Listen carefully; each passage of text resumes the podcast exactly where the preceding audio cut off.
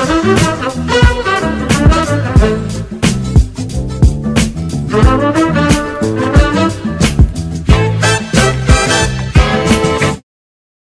datang di Lini Podcast, ngobrol lebih dekat tentang gaya hidup sehat. Halo teman sehat, bertemu lagi dengan saya Ahmad di edisi spesial Ramadan. Nah, di episode sebelumnya kita sudah berbincang tentang bagaimana puasa sebagai sekolah disiplin dan kejujuran. Nah, di episode kali ini kita akan berbincang dengan topik yang tidak kalah menariknya yaitu kiat hemat sehat mengakhiri Ramadan dan saat lebaran. Nah, teman sehat, gak kerasa ya, kita sudah memasuki masa injury time bulan Ramadan. Dan bentar lagi kita akan masuki babak baru yaitu lebaran. Nah, apa saja sih yang perlu kita persiapkan? Untuk menjawab itu semua, sudah hadir di antara kita yaitu Profesor Hadin Syah, Guru Besar Ilmu Gizi FEMA IPB University dan Ketua Umum Pergizi Pangan Indonesia. Selamat datang Prof Hardin. Iya, apa kabar? Sehat Prof. Prof, gimana Prof? Udah siap lebaran nih Prof? Wah, harus dong. Udah ada kue-kue Prof di rumah? Wah, dibatasi Oh, lah. dibatasi lah. Berarti nggak open house nih Prof? Boleh aja, tapi protokol kesehatan. Oke baik Prof. Nah Prof, kita mau ngobrolin nih Prof. Kita bentar lagi mau lebaran besok nih Prof. Nah kan artinya setelah kita sebelumnya puasa Prof, kita kan membatasi makan, kita membatasi minum. Nah, Prof, Iya. untuk setelah ini Prof, gimana sih Prof? Eh, apa sih yang perlu kita eh waspadai gitu Prof ya terkait kondisi kita? Karena kan kita akan eh ya tadi Prof kita nggak akan makan minum-minum lagi, jadi ya kita akan seperti biasa lagi gitu Prof. Jadi apa sih Prof yang perlu diwaspadai sehingga kita tetap sehat dan hemat bahkan Prof? Hmm. Ya, pertama kita perlu sadari kalau kita tadi sudah melaksanakan puasa Ramadan ini dengan baik dan benar, sesuai nilai spiritual dan sesuai dengan saran-saran tips-tips secara gizi dan kesehatan, banyak hal yang sudah kita raih. Ya, fisik kita semakin sehat, rasanya semakin berstamina, lingkar pinggang kita, lemak yang tadi berlebihan sudah mulai berkurang, pikiran kita yang tadinya kurang konsentrasi bisa lebih berkonsentrasi, kemampuan daya ingat kita bisa lebih baik. Belum lagi dari sisi kedisiplinan. Tadinya kurang disiplin, harusnya setelah 30 hari terlatih lebih disiplin mengatur waktu ya, baik itu untuk ibadah maupun untuk pekerjaan dan juga termasuk pengaturan waktu lainnya. Nah, karena itu saya sih semakin yakin ya dikatakan ketika satu Idul Fitri itu kita menjadi fitri ya, ya menjadi suci begitu ya. Karena secara teori keilmuan juga kalau kita tadi melaksanakan dengan baik dan benar, kita semakin ya kalau di pom bensin itu kembali ke nol katanya. Tapi Mulai dari nol. kalau kembali mulai dari nol nanti dikira kita bayi lagi gitu ya. Ya seakan-akan bayi artinya apa? Sel-sel kita ini sudah melakukan regenerasi, sudah di detox. Ya, sudah dia kinerjanya bagus, hati kita bagus, ginjal kita bagus. Jangan lagi dicemari, kan begitu ya. Jangan kau sakiti. Nah, Kira-kira begitu. Nah, caranya tentunya perlu kita atur ya Mhm. Baik itu dari sisi makanan, dari sisi aktivitas, dari sisi bagaimana istirahat, ya, bagaimana beraktivitas untuk bisa lebih eh, baik. Jangan masa transisi ini menurut saya injury tadi itu masa transisi ya. Jangan sampai masa transisi ini kembali seperti zaman dulu lagi, rusak lagi. gitu ya. Iya, Prof. Wah, eh, Prof.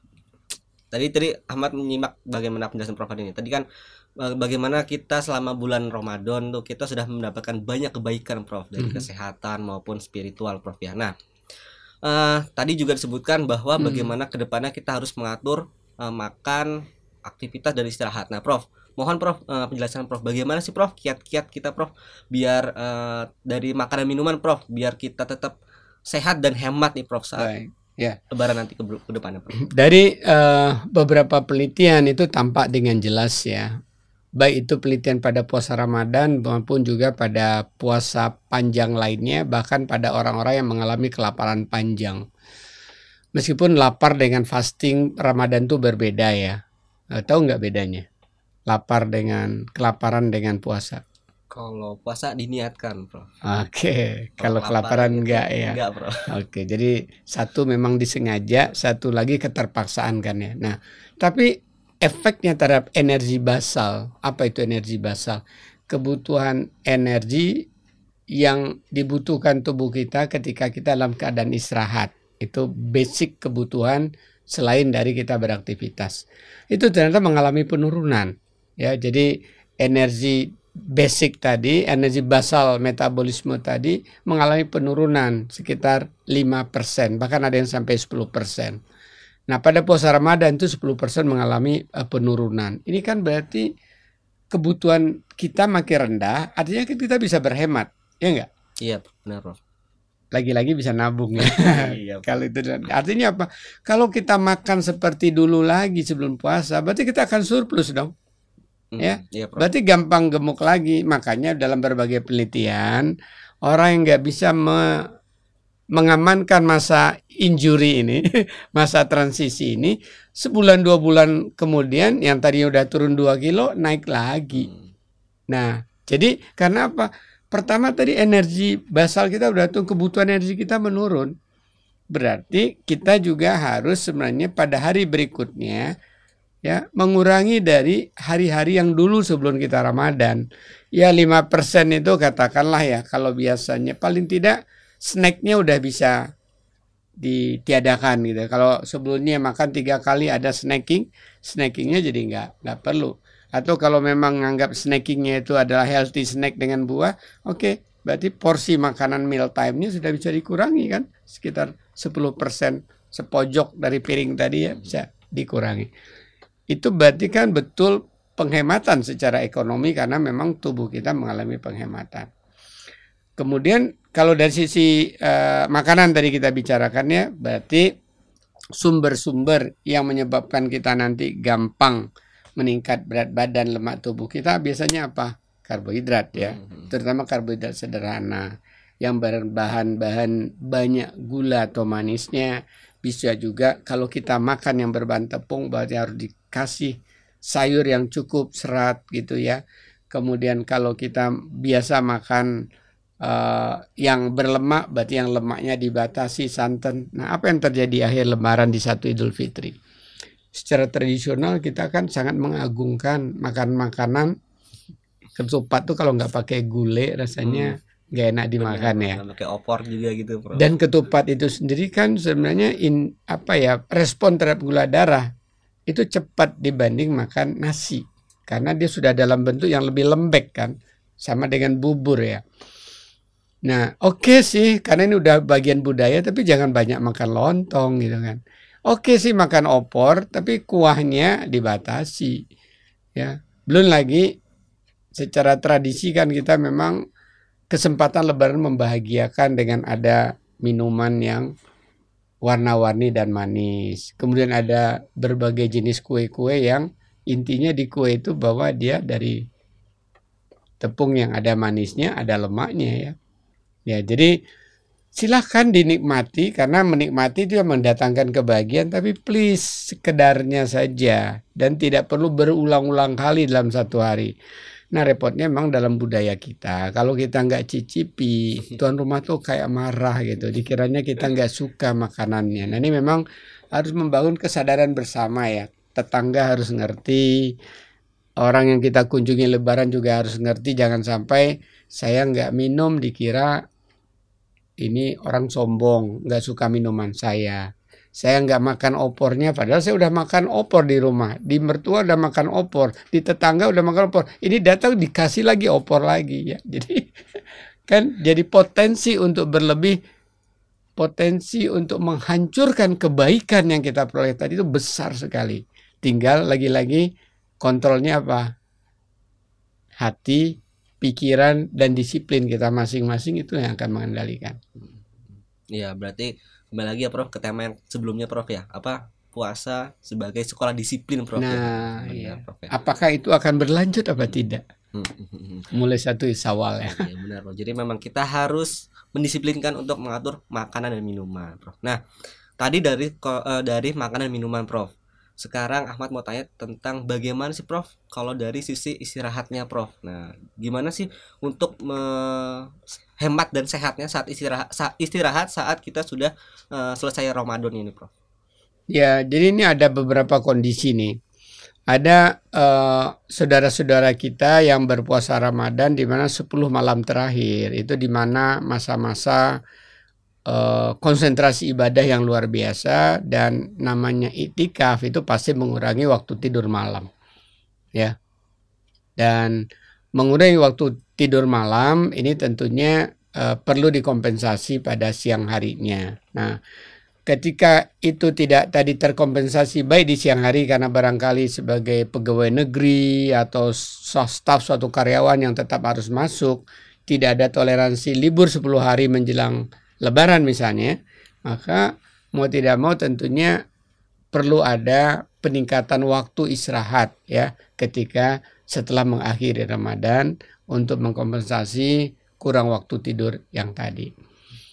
Dan karena itu uh, juga jangan berlebihan ya karena lagi-lagi seperti pada episode lalu saya katakan tidur siang take a nap ya 15 menit itu hampir sama dengan tidur satu jam di malam hari kan jadi bisa aja itu dilakukan siang-siang antara habis zuhur sampai menjelang asar ketika Idul Fitri. Hmm. Tapi ada lagi sebenarnya kendali lain yang disiapkan oleh Tuhan Yang Maha Esa dalam ajaran Islam. Dianjurkan puasa sunnah sawal enam hari. Itu sebenarnya juga membenteng supaya kita segera mengendalikan nafsu kita dan melanjutkan kedisiplinan kita secara bertahap nggak dihancurkan itu pada hari Lebaran pertama dan kedua gitu ya. Iya, wah jadi ya jadi memang kembali lagi kita membentengi diri kita Prof ya. Iya. Uh, tadi sudah dibahas tentang bagaimana makanannya, minumannya, kemudian istirahatnya. Nah, Prof mau tanya lagi nih Prof terkait aktivitasnya Prof. Mm -hmm. Nah, gimana Prof untuk kiat sehat hematnya Prof aktivitas fisik kita? Ya kembali pada episode yang lalu juga sudah pernah kita bahas tentang bagaimana aktivitas fisik di kala puasa ya. Sekarang ketika mengakhiri ya dan di hari lebaran. Kembali prinsipnya seperti katakan I fit ya. I itu introspeksi, I introspeksi. I kebetulan bacanya I fit ya. Biasanya kalau dalam teori textbook itu cuman fit aja. Hmm. Ini jadi saya tambah I. Kita perlu introspeksi diri ya. Kalau misalnya memang uh, ketika Ramadan kita biasanya olahraganya tadi menjelang berbuka perlu switch kita ingin gantikan ke pagi hari ya silakan tentunya bisa masa transisi ini mulai di, dirubah. Tapi kalau ingin tetap sore hari juga nggak nggak masalah tergantung uh, waktu yang tersedia karena itu antar orang akan berbeda berbeda-beda. Begitu juga perlu mempertimbangkan tentang frekuensi berapa kalinya seminggu karena bisa jadi aktivitas semakin berat di dalam dunia kerja, bisa jadi uh, semakin uh, berkurang atau tetap konsisten bisa tiga empat kali seminggu tentunya baik ya intensitasnya ya. Kemudian juga time atau waktu yang dialokasikan untuk itu.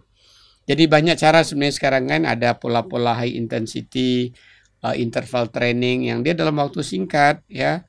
Tapi efeknya untuk uh, kardio kita, jantung kita jadi bagus. Misalnya jadi uh, banyak pilihan, tapi yang paling ringan ya memang uh, brisk walk namanya yang berefek bagus baik ke otak maupun ke jantung. Brisk walk itu uh, berjalan cepat, terus agak santai, berjalan cepat, agak santai. Mirip diajarkan Tuhan seperti orang sa'i ya. Hmm, Kalau udah pernah atau barangkali pernah nonton sa'i, hmm. apa definisi sa'i dari sofa ke marwah, hmm, iya, itu dari bukit uh, sofa, turun berjalan, kemudian berlari uh, uh, cepat, kemudian berjalan lagi mendaki bukit, balik lagi. Jadi itu menginspirasi sebenarnya ya ke kita bahwa olahraga itu jangan hanya jalan santai aja gitu ya. Iya, iya, Wah, berarti brisk walk, eh, jalan cepat, kemudian agak santai, jalan cepat lagi kalau perlu kombinasi dengan berlari. Hmm. Tergantung I introspeksi tadi hmm. kondisi diri kita. Iya, berarti kita harus tahu dulu nih kondisi diri kita, Prof ya. Ya kalau kakinya sakit ya terkilir ya nggak bisa. Iya. Barangkali dia hanya bisa uh, push up atau plank di rumah barangkali gitu ya. Iya. Nah, Prof yang terakhir nih, Prof. Kan kalau um, biasanya tuh eh, akhir-akhir Ramadan, eh, akhir-akhir puasa gitu Profnya. Kita tuh stres nih Prof. Ah, belum buat kue, belum beli baju lebaran atau Iya. segala macam Prof. Nah, gimana sih Prof untuk kiat eh, hematnya, kiat sehatnya untuk mengatasi biar kita nggak stres kita tuh Prof.